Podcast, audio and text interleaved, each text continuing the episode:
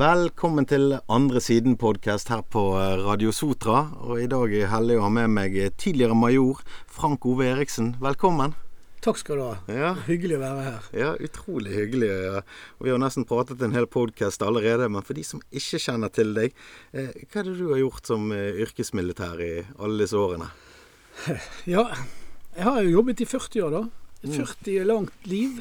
Begynte i Forsvaret som 17-åring. Forsvars- Forsvarets. Og så har jo det gått eh, eh, slag i slag med befalsskole og krigsskole og, og forvaltningsskoler og videre sånn. Og så har man jo hatt gleden av, eh, det må jeg si, at, eh, å få flytte rundt i hele landet. Fra helt til nord til helt til sør og øst og vest. Og virkelig få sett landet sitt. Og det syns jeg har satt stor pris på, som, å få lov å gjøre det som en del av jobben. Mm. Eh, når jeg sier det, så må jeg likevel si at noe av høydepunktene er jo kanskje utenlandsoperasjonene. Ca. fem år i forskjellige operasjoner til sammen. På eh, Balkan, eh, Midtøsten og Afrikamisjonene, hovedsakelig de tre. Så det, det, det har synes jeg har vært veldig givende som, ja, som personlig også. Ja, og der har du vært på oppdrag for bl.a. FN.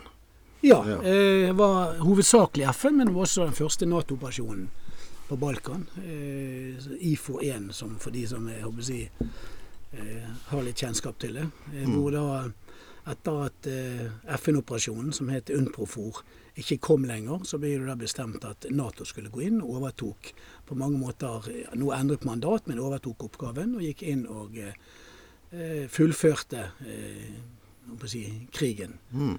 Eller eh, freden, Ja, freden, i, på. Balkan. Ja.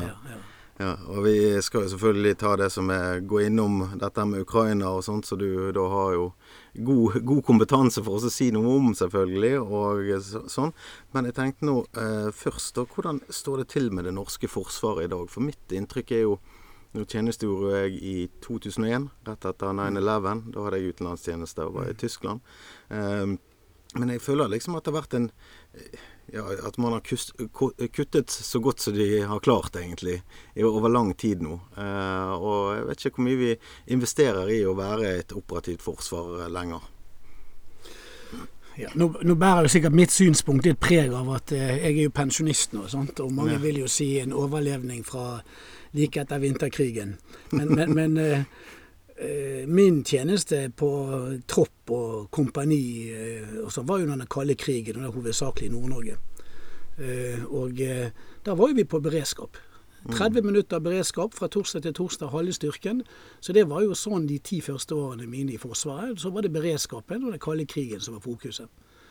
Eh, og etter det, så eh, ja, på begynnelsen av 2000-tallet, så begynte det å, å, å endre seg med at man gikk mer over til en, til en teknologisk forsvar, og da gjerne på bekostning av det som vi kaller kjøttvekten. Mm.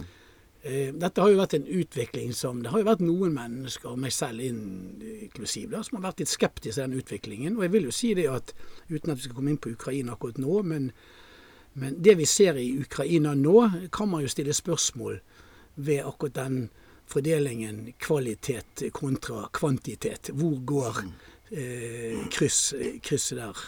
Ja, Eh, nei, det kan man jo diskutere, sikkert. Ja. Vi, vi må ikke glemme, så det var, var sagt mm. etter andre verdenskrig. Sant? Altså, det, det er jo på mange måter det jeg tror kanskje vi har Har vi hatt det for godt og, og tatt friheten for gitt? For dette er jo noe med at man har jo ikke frihet hvis man ikke har et forsvar på en måte heller. Altså det, det er jo litt sånn eh, det, det ene henger jo sammen med det andre, merkelig nok. Ja. Og jeg tenker det at eh, før, når alle menn skulle inn i Forsvaret, og eh, man fortsatte da på rep-øvelser, enten i, som del av Hæren eller i Heimevernet, så hadde de aller, aller fleste en far eller en onkel som da eh, kom hjem til middag og hadde vært på en militærøvelse og fortalte om sine opplevelser der. Mm. Det skjer ikke lenger. I Nei. dag er det vel, om ikke tar mye feil, sånn ca. én av åtte gutter. Og nå skal ikke vi glemme jentene, men bare for å sette dette i perspektiv. Kanskje én av åtte gutter som inne gjennomfører førstegangstjenesten. Og det betyr at det å ha et forhold til eh, militæret, det norske militæret og verneplikten, er nesten blitt noe for noe med, med si, noe særegen for noen få som driver med dette. Og og ofte de som har veldig gode kvalifikasjoner fra før av òg, for de vil gjerne Ja. ta befalsskolen og gå den veien med sjøkrigsskolen. Ja, I dag er det konkurranse å komme inn. Og det høres jo ved første, ved første inntrykk veldig flott ut. Eh, og så eh, er jo det noen som stiller spørsmål med er det de med karakter fem i snitt fra gymnaset og ellers eh, topptrente, på alle måter eh, gode mennesker, flotte, flinke mennesker. Er det det som er soldatemnet over tid? Ja, kanskje, kanskje ikke. Eh, I hvert fall når det gjelder de som ønsker å gjøre en karriere i Forsvaret. Så er jo det lett for at man, når man er ung, så vil man inn og gjennomføre førstegangstjenesten fordi at man synes det er spennende, det er en fin erfaring, og kanskje får med seg også en utenlandsoperasjon. Så det er noe man gjerne vil i ungdomstiden. Eh, Men når man er ferdig med det, så går man gjerne videre i livet og hopper av og tar en sivil utdannelse. Eh, Slik at eh, rekrutteringen Hvem er det vi rekrutterer til Forsvaret som skal være stammen, som skal være der og ha kontinuiteten?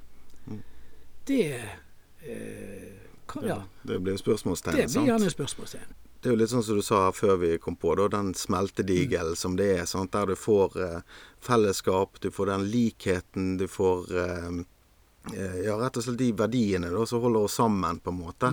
Eh, alltid en gang, i tillegg til det eventyret borte fra eh, mor og far. Sant? Eller det trygge favnet. Sant? For det, vi skal jo ut og kjenne litt på dette livet på egen hånd òg. Ja. Ja. Eh, nei, jeg, ser den, og det er et veldig viktig, viktig poeng du er innom. Som, som hvis, vi skal, eh, hvis jeg skal heve blikket litt og tenke på samfunnet, og ikke bare det militære si, beredskapen og, og, og den delen, fagkunnskapen der, så, så eh, det at eh, alle eh, tidligere unge menn, men også kvinner eh, fra alle samfunnslag, sånn som det var tidligere, eh, kom inn, bodde på seks, åtte, tolvmannsrom. Eh, om du var fra Finnmark eller Agder eller Bergen. Eh, du delte etasjesenger. Det, et, det blir et lim i samfunnet, og man tilpasser seg. Og man får også en, en form for en, en felles verdi eh, når det gjelder i forhold til landet. Eh, det, det vil jeg påstå at militærtjenesten ga og, og gjør ennå. Men i dag er jo dette uheldigvis eh, forbeholdt noen veldig få. Uansett selv om vi har begge kjønn inne nå, så er dette noe for de veldig få. Og jeg tenker også at nå når vi har større innvandrergrupper og mennesker som flytter seg rundt, så har det kanskje vært enda viktigere å hatt denne smeltedigelen enn det var før. For da var jo alle nordmenn eh, like og hadde de ment mente omtrent det samme om det meste. Men sånn er det ikke i dag. Hvordan skal vi da bygge samfunnet og, og, og holde sammen? Eh, det, det kan være vanskelig å se. Ja, for jeg tenker det jo- det Mangfoldet er fint og alt dette, men vi må jo ha noen arenaer der vi møtes på like fot òg.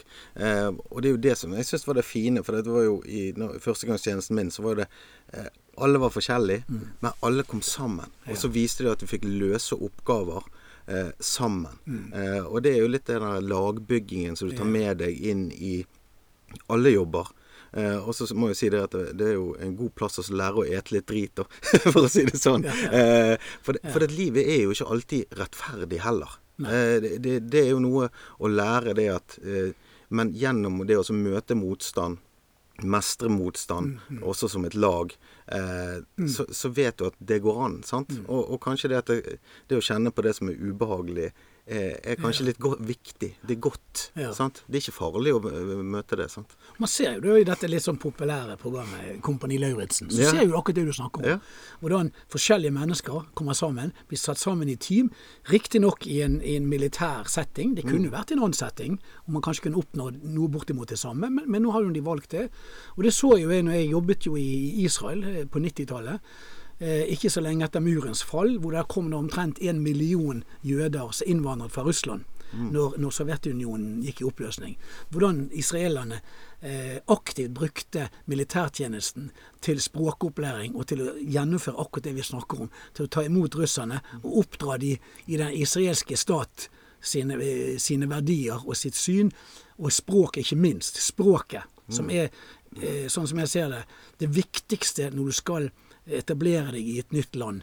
eh, Det er språket. Og jeg så hvordan de gjorde dette mm. der nede. Så, så eh, Fantastisk. Du ser jo USA òg. Ja. De putter flagg på de, og så er vi i gang. ja. sant? You're an American. Ja. Eh, og det er på en måte viktig, det. For det, det er en ting å si velkommen, men det er noe annet òg at du, vi finner arenaer der vi er velkommen sammen òg. Ja. Altså, det, det, jeg tror det er ufattelig verdi vi mister, og, eh, og nå må vi finne andre muligheter for oss å Ja. få det inn igjen. Sant? Ja. Gjennom eh, dette med medborgerskap inn i skolen, livsmestring og, og så videre. Sant? Så dette, eh, jeg syns det er litt trist. og vi er jo i, eh, i usikre tider nå, da, Mm. eh, med alt dette som skjer nede i Ukraina. og da, eh, Hvordan hadde Forsvaret vært i dag, da? sant? Altså, jeg tenker Før hadde vi mer heimevern. Vi hadde jo eh, folk som kanskje hadde litt av sånn militærkompetanse også, eh, i form Mm. av det. sant? Eh, jeg vet ikke, ikke bare å ta en AG3, og så er vi klare.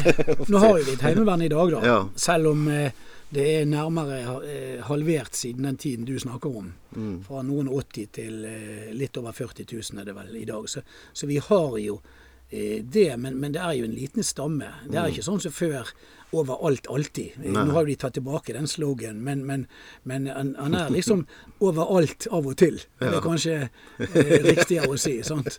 Ja, vi må jo være ærlige. Det er jo det. Ja, ja Ærlighet ja i militæret ja er viktig. Ja. Så, så det som er, du sier, hvordan hadde vi vært i forhold til i, i Ukraina? Hvis vi tenker på rent militært med et stort angrep, så er det utholdenheten. Mm. Sånn? Når vi ser nå hva som skjer nede i, Ukraina, disse helikoptersvermene som kommer som bisvermer, Mm. og så eh, snakker vi om at vi har en bataljon eller noe sånt, vi skal ikke gå inn for altfor mye på tekniske ting, men, men at man har noen hundre mann i, i Finnmark, Mm. så ville jo en sånn helikoptersverm bare tatt en slakk venstresving og fløyet forbi. For Finnmark er stort. Ja. Eh, sånn at eh, eh, Jeg tror nok det at eh, man ut ifra den erfaringen, selv om for så vidt er ikke noe nytt, og de som har fulgt litt med, har nok sett dette i mange år, men kanskje de riktige menneskene nå begynner å se på at kanskje vi må tenke oss litt om hvordan vi organiserer forsvaret av Norge, og at det er kanskje ikke et sånn ekspedisjonsforsvar med noen veldig få, veldig høyt kompetente, spesialiserte mennesker som vi kan sende eh, til fjerne himmelstrøk for å gjøre en jobb, gjerne i forhold til et FN-mandat eller noe slikt, at, at det er kanskje noe annet som trengs for å ha et totalforsvar her i Norge, hvor vi også da går tilbake sånn som vi gjorde før, i en større grad. Jeg vet det er litt sånn fremdeles at man hvis vi mobiliserer i Norge, ja, så mobiliserer hele nasjonen. Hele nasjonen, sånn som vi ser også i Ukraina. Men der er det improvisert. Vi hadde jo et system her hvor dette var organisert og styrt. En total eh, mobilisering av landet. Sant? Eh, alle fly og bilferger og broer og alt eh, ble jo mobilisert før. Sant? Nå har vi riktignok gått tilbake til rekvirering av kjøretøy, noe som har vært vekke lenge. Eh, kanskje noen har merket at de har begynt å få konvolutter i postkassen, eh, spesielt hvis de har firehjulstrekker og sånn. Men dette er jo noe som har vært vekke i ca. 20 år. sant? Ja, så så man begynner nå å se tilbake på hvordan man skal, skal, utnytte de totale ressursene i, i, i Forsvaret i en sånn situasjon. Ja. Og eh, sånn jeg har sett det, Vi skal ikke gå inn på navn eller eh, sånn politikk, men jeg ser jo det at det, det er enkelte stemmer som fremdeles mener at Norge ikke bør være medlem av Nato. Hva tenker du om det? Altså, altså jeg som har hatt et helt yrkeslangt liv som, eh, som militær, eh, så er jo det eh, ikke noe overraskende at mitt ståsted er eh, at vi må være medlem i Nato. Ja. For Jeg forstår ikke hvordan vi skulle klare oss utenfor, for du ser jo hvordan Ja. dette går selv for altså, Jeg vet ikke, Ukraina er gjerne 40 millioner mennesker, Ja, noe sånt. sant? Altså, det, det er jo noe med mengden av mennesker òg. Altså, vi- til og med de klarer ikke å stå alene. Nei. Sant? Så det- ser vi jo, men, men det er jo litt sånn artig nå å se at det var vel på nyhetene senest i dag, Mm. at eh, SV i Oslo har nå vedtatt, eh, eller ønsker å revurdere sin eh, holdning til Nato-medlemskap, som Mm. da har vært imot i alle år. Og så får vi jo da se hva Rødt eh, velger, da, eh, ut ifra det de ser nede i Ukraina. Det kan jo hende, hvem vet. Ja, Kanskje det- alle partiene på Stortinget til slutt blir Nato-supportere. Det ja, det ikke... skal man ikke se bort ifra. Nei, jeg, eh, jeg håper iallfall at vi kan være forenes om det. For dette, for meg er det ganske tydelige eh, behov, da. Det er min mening. eh, uten at jeg har noen sannheter. Eh, men altså, krig Forferdelig. Du har vært i, i krigsområder og mm. krigen. Um, og eh, vi er jo alle enige om dette, at det er forferdelig å invadere eh, annen stat og, og, og, og krenke de, da. Eh, men hvis vi ser vekk fra alle de elendighetene og sånt, så er jo det eh, liksom det, Dette her er jo et spill på en måte om ressurser, mm. og, og, Ukraina har jo gjennom historien vært et sånt land som har ligget mm. og vippet mellom øst og vest, og hatt allianser eh, fra langt, langt tilbake igjen i tid, på det første og andre verdenskrig, og lenge før det. Eh, noen mot vest, noen mot øst, og det, det, det er jo mye eh, som spiller inn her. Eh, hva tenker du eh, russerne er villige til å kunne gjøre her for å få, få, tilbake sin kontroll over, eh, over ressurser og, og, Ukraina? da? Ja, eh, nå, vel, nå, betyr vel Ukraina noe sånn som landet ved grensen eller på grensen. eller sånn. Mm. Så det er jo slik som du sier at de ligger jo på mange måter i møte mellom det ortodokse østlige og, og, og det vestlige eh, eh sivilisasjonene her. Eh, sånn at eh, Det du språk og kultur, altså? Ja, ja sånn, som, som, og det er, jo, det, er jo, det er, jo, Du har jo på mange måter to sivilisasjoner som møtes her. Mm. Eh, det er jo eh, ja, hvordan, hvordan, Russland Tenkte du nå på hvordan de eh, i denne krigen skal komme seg ut av det? Eller, Nei, at, hvordan, eh, hvordan, eh, Hvor langt tror du Russland er villig til å gå for å få, få dette Ukraina er et ufattelig viktig land ja, okay. sant, i form av ressursene sine. Og, hvor langt de er villige til å gå for å få Ja, ja for å få kontroll. For det, det, er jo, ja. det er jo, som vi snakket jo litt før, det er jo mm. et spørsmål om tid, på en måte. Ja, ja, ja. Eh, på grunn av militære styrkeforholdet. Eh, så, men hvor langt er de villige til å gå? Ja. Nei, det, hadde jeg visst det, så hadde jeg nok sikkert ikke sittet her. Nei. Eh, da hadde jeg sittet på en annen talerstol ja. og fortalt verden hvordan han skulle bli. Men, men, Hvis vi skal men, synse litt. Ja, ja, ja. Men, men, skal vi synse litt rundt det, så, så vil vi først si at Først vil jeg si det at, og jeg vet at det er mange som er uenige med meg, men, men jeg må jo få lov å ha den meningen, at jeg tenker det at bufferstater mm. er en god ting for verdensfreden. For man, hvordan man vrir og vrenger på dette, så har vi et visst antall, kall det gjerne sivilisasjoner, mm. rundt omkring i verden. Og mellom disse sivilisasjonene, det ligger også jordpl jordplatene på jordkloden, så er det friksjoner. Og sånn er det. Og i den settingen så har jo da buffernasjonene vært en sånn eh, lydavleder opp gjennom tidene som ligger der som nøytrale land og holder disse forskjellige som jeg kaller sivilisasjonene, det er kanskje ikke det rette ordet, holder de fra hverandre på en måte. Holder de i sjokk. Som støtdempere. Og det så vet jeg det at mange mener ja, men eh, det er eh, et land som Finland, og så kan du dra den nedover, disse buffernasjonene, hvor de skal gå. De må jo ha like mye rett de til å være med i Nato og si jo, eh, det må de gjerne få. Da kommer vi inn på et verdispørsmål. Sant? Eh, selvfølgelig skal de få lov til det, men jeg bare sier de at eh, buffernasjoner har en god hensikt for verdensfreden, vil jeg påstå. Og det har de historisk hatt. Eh, hvor langt er Russland villig til å gå? Eh, for jeg tenker Vi har sett Putin tidligere i, ja. Tsjetsjenia med Grosny. Ja, der, ja, der, bombet jo han hele byen, akkurat så i Dresden ble bombet i sin tid. Det er jo det som er eh, det russiske hæren sin, sin, taktikk opprinnelig. Det er jo en artillerihær som normalt bruker tunge skyts foran, og så følger de bak og, og mer rensker opp, for å bruke et sånt ord. Mm. Dette, denne taktikken har jo ikke de valgt av forskjellige grunner i Ukraina. Det kan jo være at de håpte på å bli mottatt som litt sånn delvis venner, befriere. Uh, eller at de bare har gått frem litt mer eh, humant, eller at de er forsiktige på, med reaksjoner overfor Vesten. Jeg vet ikke mm. hvorfor de har valgt en løsning som nå viser seg at dette virker ikke som det er en god løsning for Russland. Enten har de feilvurdert, eller så har de valgt feil taktikk. Mm. Og Da spørs jo det. Rykker han nå litt tilbake, og så tar han den Grozjny-varianten mm. som du nevnte? Mm. Eh, det tror jeg ikke, for konsekvensene er veldig store, og de er økende på hjemmebane. Eh, jeg hørte på nyheten i dag også at eh, Russland er villig til å vurdere samtaler hvis de får anerkjennelse for disse to utbryterrepublikkene og Krim. Mm. Og da er vi tilbake til, på mange måter til start. Mm. Eh, de er jo på mange måter eh, delvis russisk per nå, eller siden 2014, og har vært det. Slik at eh, jeg, jeg, tenker det at hvis dette her nå går skikkelig dårlig for Russland, noe det kan tyde på, så er det viktig at Vesten som vi snakket om i sted, André, at Vesten tenker på hva skjer etterpå. Mm. For etter denne krigen, om den skjer sånn eller sånn, så skal vi leve videre etter krigen. Mm. Og jeg, Min personlige mening er at det er viktig at seierherren, som da mest sannsynlig er kanskje Vesten, Nato, eller eh, vi får se.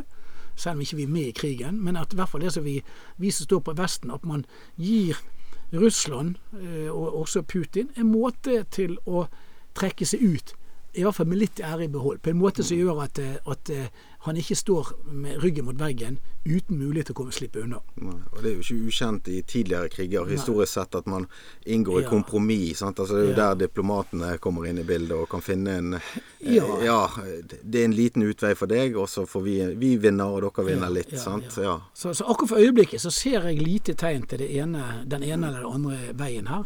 Men det kan jo være fordi at eh, smerten ikke blir blir sterk nok på begge kanter. Det må jo gjerne litt smerte til før man begynner å gi etter. Sånn er jo det. Om det er håper jeg, lønnsforhandlinger med NHO, LO eller ikke. Man skal jo være litt trøtt og sliten før man begynner å finne løsningene. ja, det er ofte sånn. Så, så, så, så eh, Men jeg tror det, ut ifra de som siste tegn fra signalet fra Russland, at man er villig til å finne en løsning her. Og da er vi tilbake til et Ukraina som eventuelt nøytralt. Eh, eller skal de da gå inn i Nato? Eh, dette er et veldig vanskelig spørsmål. fordi at Hvis man hevder at eh, ethvert land skal få lov til å noe som er helt naturlig, skal få lov til å velge sin vei, og det bør jo de, så er det likevel noen naturlover. Og Mange tenker gjerne på Cuba-krisen. Når eh, Sovjetunionen var i ferd med å plassere eh, missiler på Cuba. Altså, Amerikanerne har jo ikke kommet seg over det ennå. Eh, og ikke misforstå, jeg støtter Nato, støtter USA. ja, du har vært en del av det. Men, Ja, men, jeg har vært en del av det. Men man må jo se hva var Vestens reaksjon når man krøp helt opp i ryggen på, på vår sterkeste og største allierte. Mm. Eh, slik at dette Jeg tenker det at det er noe som heter realpolitikk. Mm. Det skal man ikke kimse av. Nei, det, det, det er litt sånn mer komplekst, Ja, hele ja. bildet òg.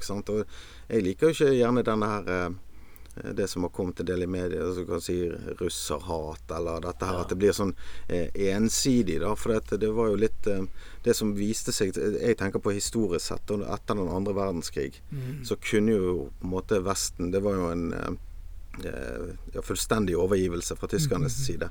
Og kunne valgt også kjøre den linjen. sant? Strupe Tyskland. Ja. Men hva gjorde vi?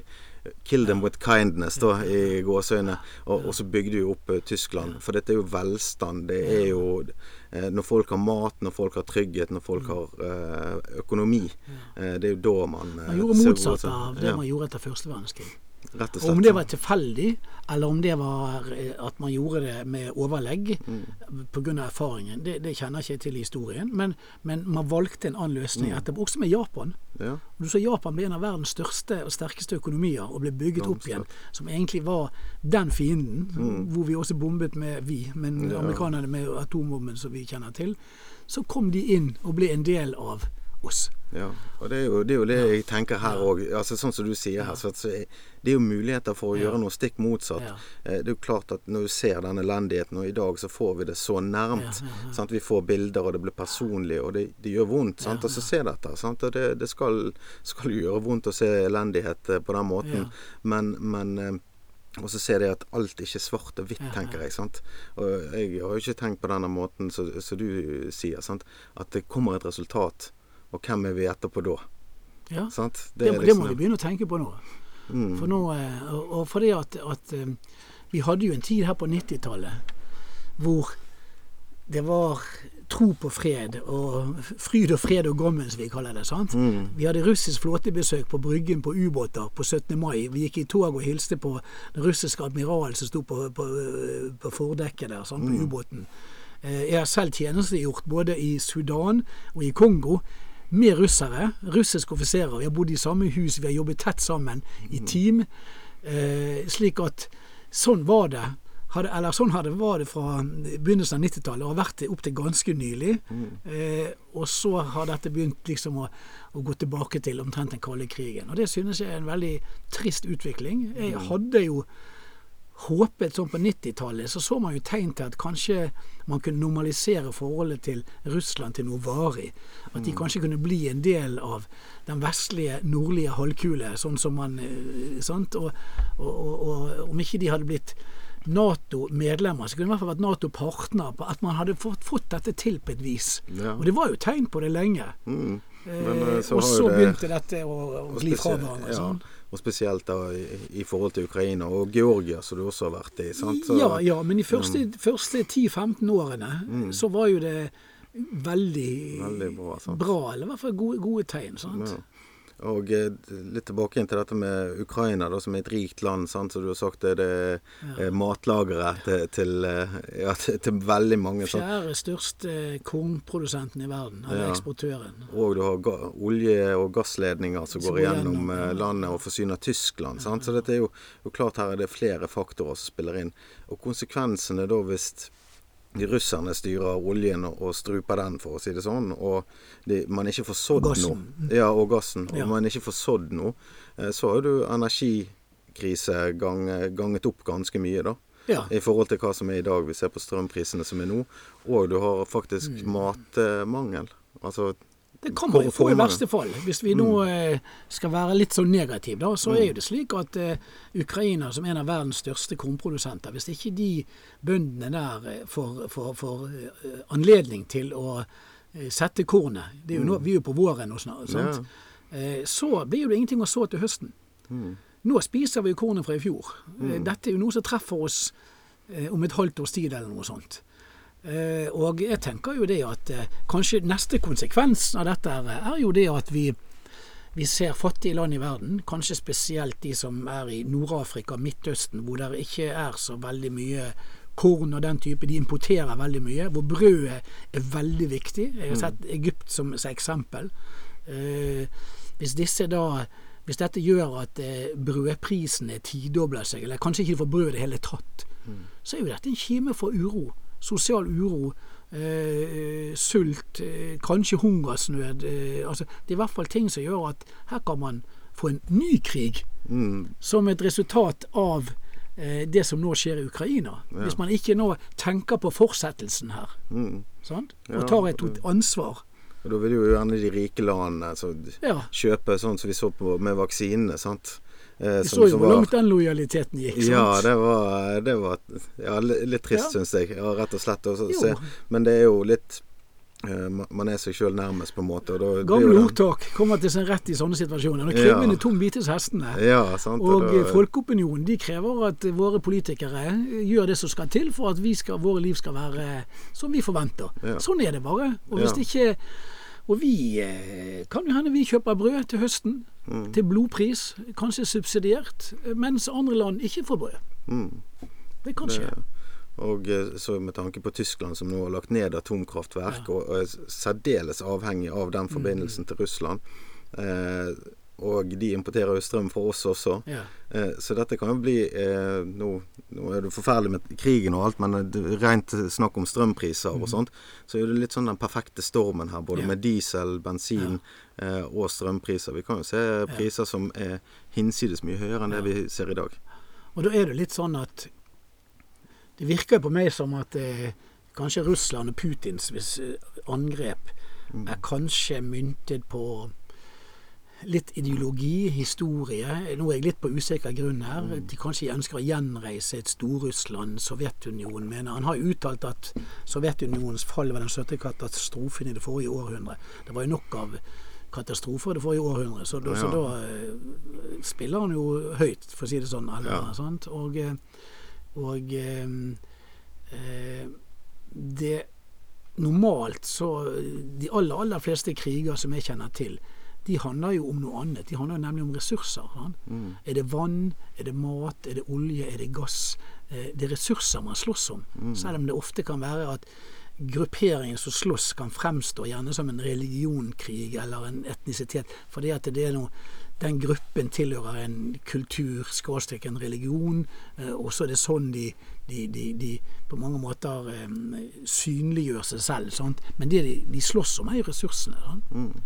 Og ressurs kan også være landområde, sant? som i seg sjøl er en ressurs. Sant? Du ser i Midtøsten, Afrika, Kongo, sant?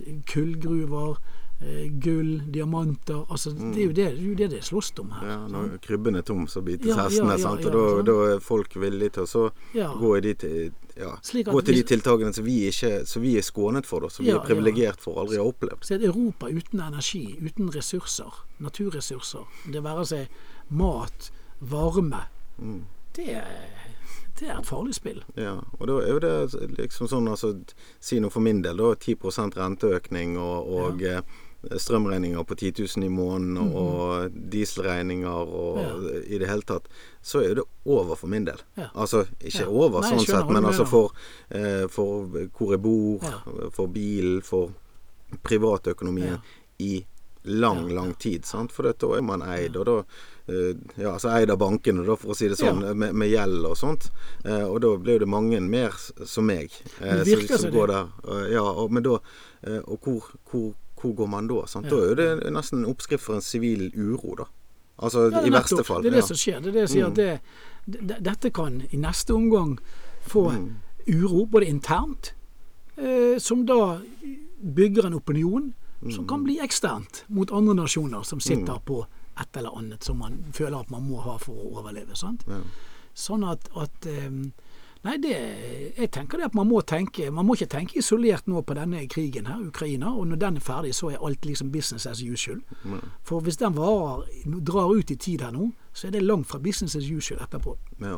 Og nå, nå sitter vi her, og så tar vi Vi har jo en helt åpen samtale Mm. om et emne, eh, og vi har tatt eh, ut den, bare den menneskelige tragedien, Mm. men ser litt rundt dette. Men når jeg ser på eh, media og sånn, så ser jeg at det er ett én historie. sant? Det er en gal mann som gjør sånn, eh, sånn og sånn.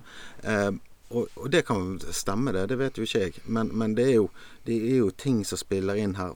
Verden er jo, selv på mitt private, private nivå som individ, eh, så er jo ikke han svart og hvitt. Jeg har ikke alltid rett. Jeg har ikke alltid feil. sant? Og hvis meg og deg diskuterer, så er det i nyansene det kanskje er. sant? Hvis vi har en splid eller noe sånt. Eh, men når jeg ser på media og den måten så dette blir satt opp på, så er det én side. sant? Det er godt mot ondt, eh, og dette selger. Um, og selvfølgelig den invaderende parten eh, holder jo ikke jeg med. Men, men allikevel, det er ikke bra å bare få én Nei. greie. Altså, jeg vil jo bli opplyst. Mm. Sant? At, hva er grunnene, hva er konsekvensene? For da kan vi ha en rasjonell eh, debatt. Ja. Istedenfor at jeg skal gå eh, og bli eh, mot alle russere. Ja, sant? Jo, jo da. Men, men jeg syns det har vært en sånn eh, lei utvikling i samfunnet, eh, eh, kanskje i Vesten, er riktig å si, de senere årene.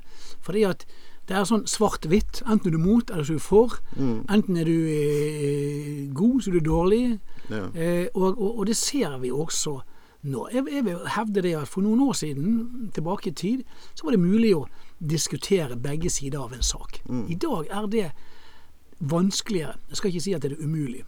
Og, og hvis du går ut i dag, og du kan jo være ja, stiller spørsmål med uttalelser f.eks. fra den ukrainske presidenten, Mm. Så eh, hagler jo eh, altså kommentarene hvis du gjør dette. Fordi at nå er det han vi holder med, Mm. og det er bestemt. Ja. Eh, og sånn er det. Og Ja. her gjelder det å holde, holde tight. ja. Og jeg synes det er både betenkelig, og så er det også farlig. Fordi at du ser det, som du sier, bare fra én side. Mm. Og vi må ikke glemme det at Ukraina har jo vært et land som ikke har hatt noe godt rykte, for å si det mildt, de siste 15 årene i Europa. Lenge før den situasjonen her. Vi snakker om korrupsjon og, og, og, og, det som har skjedd i Ukraina. Så, så, sånn at eh, nå er jo de blitt invadert av Russland, og så er de plutselig blitt englestaten. Det skjer ikke over natten. Og vi må ikke glemme nå at vi har en, et land og en president som er presset til det ytterste. ytterste. Og det, og det skal vi ha stor respekt for og, og, og, skjønne. Men han, ut ifra sine uttalelser, er jo villig til å sette verdensfreden i spill for sitt land. Han har rygg- sikkert Han har ryggen mot veggen, og da, Ja. da er Men, han der. Ja. det, det er jo sånn helter blir til òg, på en Ja. måte. sant? Ja. Og det vil sikkert mange andre presidenter også gjøre i samme situasjon. Så dette er ikke kritikk av han. Jeg bare sier at dette må vi ta med i våre vurderinger når vi hører hva som blir sagt. Og når han ønsker en f.eks. en, en flyforbudssone flyforbudssone over Ukraina, så, så, betyr jo det noe i praksis. Ingen får fly, og alt som flyr, skal skytes ned. Mm. Eh, slik at konsekvent, Folk må, må, må, liksom tenke to hakk fram eh, når man kommer med sånne uttalelser. Mm. Og Hvis dette er et ønske fra presidenten, så må jo noen andre kanskje, og det gjør man, jeg sier ikke at ikke man gjør det, eh, så må man jo også tenke at det er kanskje ikke det Nato skal gjøre. Det er kanskje ikke det Vesten skal gjøre. Mm. Og der har jo generalsekretæren Stoltenberg vært ganske tindrende klart. Nato skal ikke sette sine føtter inn i Ukraina. Ja, for Da blir det tredje verdenskrig i praksis, ja, nesten. Ja, det, ja. Det, det, det, vil jo det bli. Det blir i hvert fall en storkrig i Europa. Mm. Med Amerika involvert, og Canada og sånn. sant? Nord-Amerika. Og Det er jo ingen av oss ønsker. Og da er jo vi, iallfall i Norge Ja, da, vi er med, og vi er naboland. Sant? Så dette det, det, det, er ingen lette svar, da. Sant? Og, eh, men det er jo derfor det er viktig å eh, kunne holde hodet kaldt og så se det fra flere mm. sider. Sant? Det ville jo vært en militær tilnærming òg, ville ikke det? At du ville se det, og, og litt sånn på på Vi, vi snakker jo veldig mye om propaganda og mhm. sånt, eh, men til tider kan jo dette minne litt om propaganda. At du skal bare ha ett én frem, og hvis ja. ikke du sier noe, noe, så er du en idiot. Ja, ja. Eller konspirasjonsteoretiker, mm. eller noe sånt. Eh, men jeg tenker jo sånn, Når vi ser tilbake på under pandemien, og det er jo kanskje litt sånn farlig vann å bevege seg ut på, da. Eh, så så du at et par ting som ikke ble diskutert, ble senere i tid å ja, ja, men det, det, stemte jo, på en måte. Mm. Så blir det endret. og jeg, jeg, tenker ikke vi skal hoppe til konklusjoner, eller noe sånt, men det er å respektere alle stemmer. da. Mm. For det er jo det vi vil ha. Det er jo det ytringsfriheten gir oss. Ja. Alle stemmer. Og da får alle plass òg, mm. eh, uten at de blir hånet eller ja. snakket ned. Eh, det tror jeg er veldig viktig. Iallfall i den tiden vi lever i med sosiale medier. Mm. Algoritmer som kan nesten mm. endre regimer, på en måte. Sant? For ja. du begynner også søke deg inn, og så får du bare mer ut av den mm. samme informasjonen. Men du skal ikke bare ha én type informasjon. Det tror ikke jeg. Jeg tror ikke det er så enkelt, altså. Nei, nei, jeg støtter det. Helt enig, altså. Mm. Og, og, det er jo en utvikling som jeg har sett utvikles over år, og kanskje mm. at det har smittet over fra Amerika. I hvert fall der vi så det først i sin ytterste konsekvens. Mm. Hvor det var veldig påtagelig under forrige presidenten. Mm. Og uten å gå inn på han som person og sånt, så var jo det Enten var du der, eller så var du der. Det var ja. ingenting imellom. sant? Ja. Men du sa du opplevde litt av det samme bildet der på, på Balkan også? Ja. Det som du ser i ja. Ukraina Jeg tjenestegjorde på Balkan i nesten ett og et halvt år. Her på 90-tallet. Eh, både i FN-tiden og i Nato-tiden. Og eh, der så vi også, og jeg vil hevde det at eh, eh den serbiske siden tapte veldig mye, fordi de hadde da den gangen eh, russere som sine støttespillere, mens kroatene og bosnierne hadde Tyskland og amerikanere som de to største eh, støttespillerne sine. Og ikke minst pressen. Mm.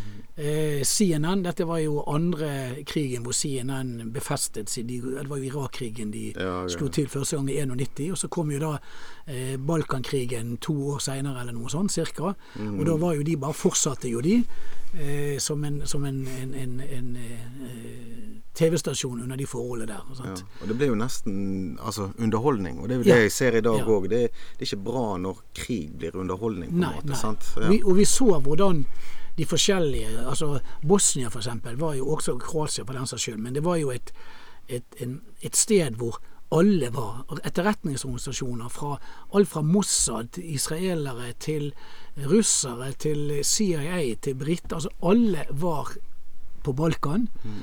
Og eh, alle kjørte sine spill hele veien. Sant? Ja. Men de påvirker òg da pressen, på en måte, og lekker og Selvfølgelig. Ja, ja. sånn. Og eh, vi så jo hvordan pressen og jeg så jo hvordan pressen kjørte enveis hele veien. Sånn. Mm. Eh, vi eh, ja, alle vet jo det, sant, at eh, litt med, vi hadde jo, Det var jo en våpenembargo Mm. Rundt Balkan, rundt de, de landene som var i krig der. Sant? Vi hadde jo selv en, en fregatt som lå ute i Adriaterhavet. Passe på at ikke det skulle komme ting inn til, våpen inn til, til, til disse Kroatia, Bosnia osv. Og, og det var eh, på landjorden eh, tilsvarende. Men, men, det dundret jo inn materiell, sant? Mm. utført av de vestlige, og spesielt av Tyskland, sant? Mm. Eh, til, til, de stridende partene. Sånn at det var et sånn dobbelt spill. Sant? På den ene siden så har vi Nato-land som passer på at ikke noe kommer gjennom. Og samtidig så driver de samme Nato-landene og etterforsyner, akkurat som vi gjør nå til Ukraina, mm. eh, med, med, materiell. Sant?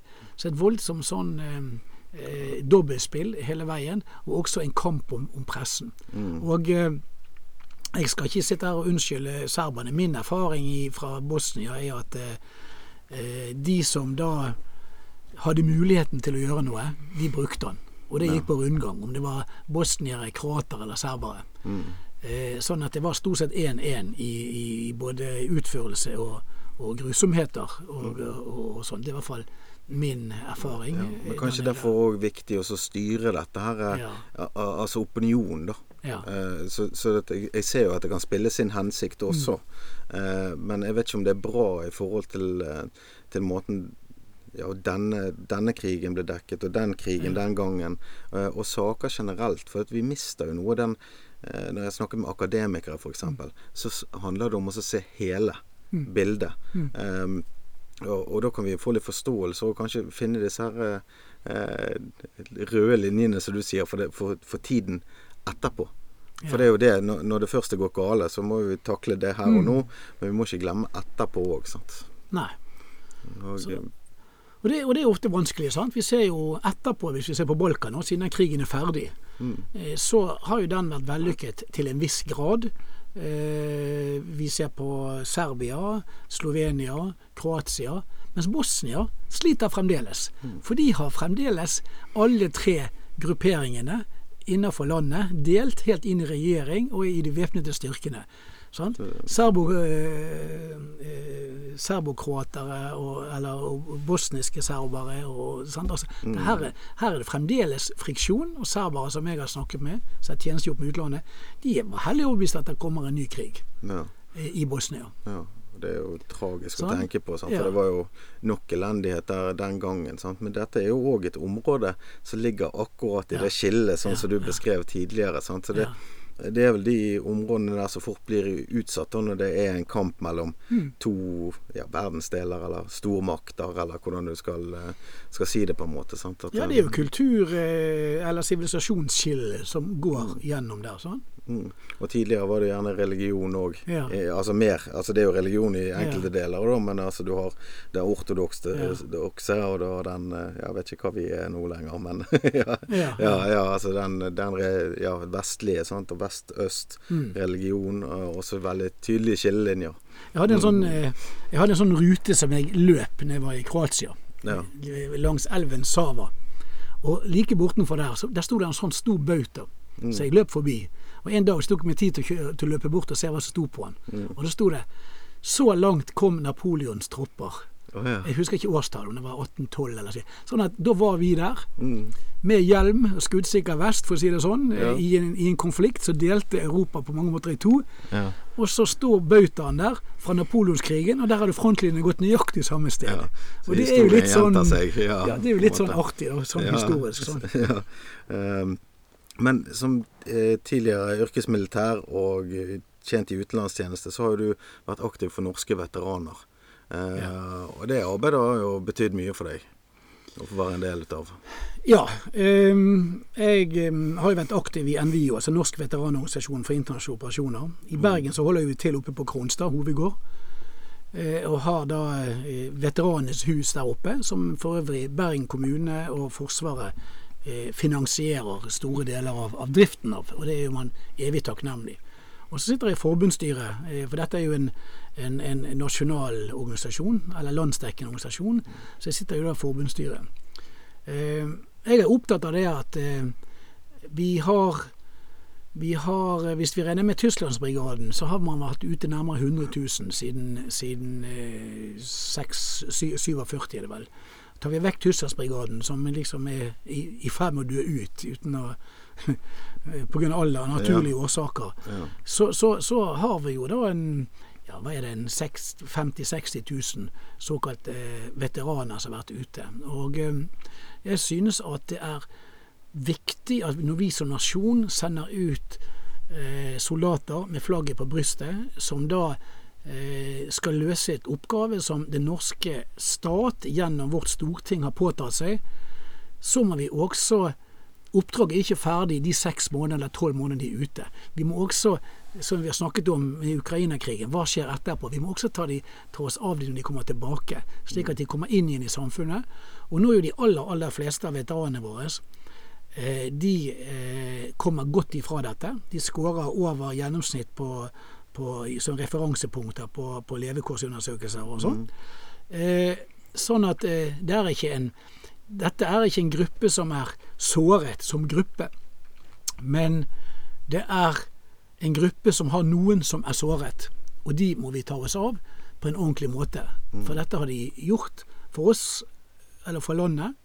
Og noen sier at eh, de første årene i Libanon Ja, de var jo frivillige. De, hadde, de dro nå og signerte eh, frivillig, og da får jo de Er du med på leken, så får du smake steken. Mm. Ja, det er det kanskje. Eh, så kan man jo tenke på at det er jo, der er jo hele land som kun har frivillige hærer, kun har mm. profesjonelle hærer.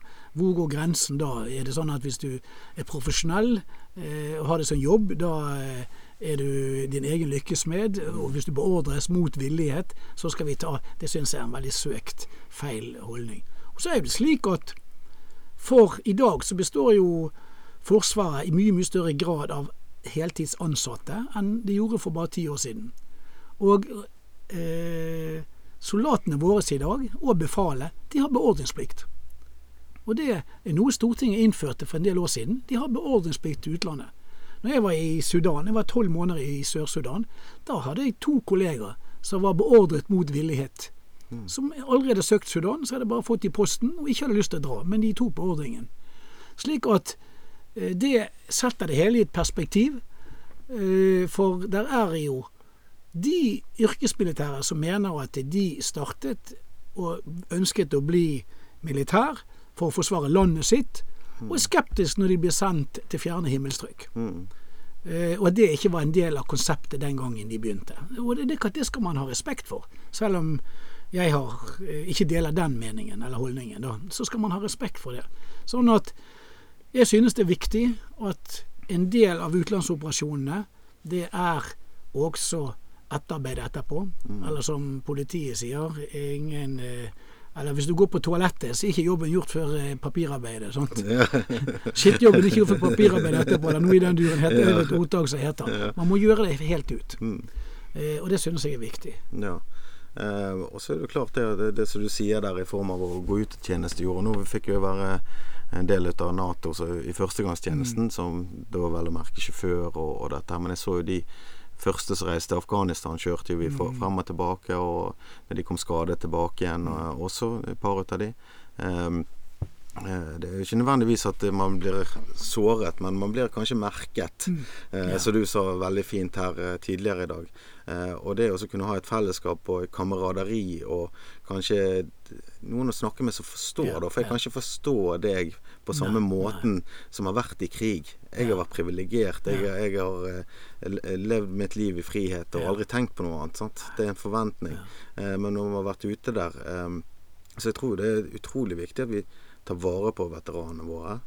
Og ikke glemmer at en grunn at vi har Nato, det er fordi at noen velger, eller blir beordret, sånn som du sier òg, ut for å Mm. Ja, ja, stille opp, da. For vi er jo med i en allianse her. Og mm. vi kan ikke bare Noen kommer og hjelper oss hvis ikke Nei. vi hjelper de. Nei da, og jeg syns det også For å avslutte det med veteranene. Det som mm. eh, Det er innenfor miljøet. Når, før jeg begynte i Forsvaret, eller før jeg hadde vært ute, da, kanskje mm. spesielt, så hørte man liksom om krigsseilere fra annen verdenskrig som de sa alltid De snakket aldri om det de hadde opplevd. Og mm. det har jeg alltid syntes var veldig rart. Og eh, etter å ha vært ute i forskjellige steder selv, eh, så skjønner jeg egentlig Jeg tror jeg skjønner hvorfor. Mm. Eh, for det at eh, når du er F.eks. et eksempel på en, en Sør-Sudan eller Kongo, et eller annet sted hvor det skjer intense ting, du opplever intense ting, så er det nesten selv om du ønsker det, så er det nesten umulig å gjenfortelle det på en ordentlig måte. Mm. Fordi at ordene blir så fattige. At du har ikke luktene, du har ikke lydene, du har ikke eh, følelsene. Altså Når du skreller vekk alle de tingene der, så sitter du igjen med en tørr samtale som kun består av ord. Mm. Og da blir det nesten bortkastet. Og resultatet i andre enden er jo også at du klarer ikke å overføre det du ønsker av fortellingen til den som lytter, som ikke kjenner disse tingene. Og da blir det alt mye lettere når man er i samme miljøet, snakker med noen som har vært der, eller vært i lignende. Eh, da er du liksom på samme frekvens. Ja. Og det er jo det som også mange, mange veteraner etterlyser av de som trenger helsehjelp, og blir henvist da til det sivile helsevesenet. Så er det slik at man føler at man ikke når igjennom for eh, den flinke doktoren eller psykologen, psykiater, hva det er, har ikke vært der og vet egentlig ikke eh, hva det hele dreier seg om. Og da, for ord blir- For blir fattig sant? Mm. I, i en sånn setting. Eh, sånn at eh, det, det er litt viktig å ta med seg. Og derfor er det også litt viktig, tenker jeg, dette med, med, med eh, veteraner etterpå. Jeg, jeg har jo vært borte i Amerika i forbindelse med utveksling og ser at de har jo militær sykehus. Mm. Hvor de aller, aller fleste av, av helsepersonellet på sykehusene har vært med i avdelingen ute. I sanitetsavdelinger. Ja. Og, og hvordan veteranene eh, strømmer til disse militærsykehusene, hvis det er noe. Og for For der føler de de får forståelse og hjelp, og klarer å nå igjennom med, med det de ønsker. Mm. ja, for det er jo brorskap. Det er det Det er jo det. Det er også. Mm. det er jo det, det har jo merket bare, så jeg sier, så et savn på den førstegangstjenesten. Ja, ja. Bare det som skjer der. For jeg kan jo treffe folk som var med for 20 år siden. Ja. «Nei, 'Husker du den?' og der, der, sant? Og jeg kan jo bare tenke meg det ganget opp da mellom liv og død Ja. situasjoner, eh, potensielle farer osv., så videre, sånn som du beskriver. Sant? Og, eh, tror du det sivile liv for mange blir kjedelig etterpå? Eller oppnår man en takknemlighet på mange måter? Altså Du kan jo svare for deg sjøl, eller på sånn generelt grunnlag. Ja, Det, jeg, det har eh, vært ekstreme situasjoner, sant? jeg tror eh, Nei, jeg vil For meg så har det ikke blitt kjedelig. Mm. Eh, Det blir annerledes. Jeg hører jo om folk som reiser ut, kommer hjem fordi de blir rastløse. Mm. Men, men som jeg har sagt, at det er alltid, det er alltid vanskeligere å komme hjem enn å reise ut. For når du skal reise ut, så blir du tatt ut eh, til en eh, jobb. Du er gjerne selektert. Du blir kurset, trent opp over lang tid. Du har et voldsomt fokus. Så reiser du ut, skal du gjøre en jobb, og så kan du være vekke. Sånn som jeg f.eks. som var eh, 18 måneder ute. Jeg hadde riktignok eh, permisjon, men, men sant, er borte. Og etter ett ett og et halvt år så kommer man hjem. Og da har du levd i en boble eh, med det fokuset som du da er eh, sammen med de andre som du har trent og, og, og, og, på å gjøre. Så kommer du hjem, og så tror man ofte det at eh, hjemme de har liksom lagt i fryseboksen siden du dro, og så skal du ta opp. Men de har også utviklet seg videre. Har levd sine liv. Eh, barn er blitt eldre. De har fått eh, eh, andre interesser. Eh, Samboer, kone har fått andre rutiner. Fordi, selvfølgelig fordi du har vært vekke osv. Så, videre. så skal du inn igjen i dette. Og der er det mange som av og til går på en smell. Mm. Og det er veldig sånn som jeg prøvde å si til, etter hvert som jeg ble litt senior til yngre som skal ut, at nå må dere huske på det er når du kommer hjem, det er det som er det vanskeligste. For det er alt fra du vet du skal reise til du reiser hjem, det sørger avdelingen for. Og enheten din. Det er når du kommer hjem igjen. Det er da du skal inn i det som en gang var, eller som du tror var som, som, eller er sånn som det var. Ja. Og det, da, og, da, og det er din jobb. Da er det ingen som hjelper deg. Nei. Og det er der Nei, vi håper at veteranorganisasjonen og vi kan være en, en, en støttespiller Mm. eh, når folk kommer hjem igjen og skal ut i, i det normale livet.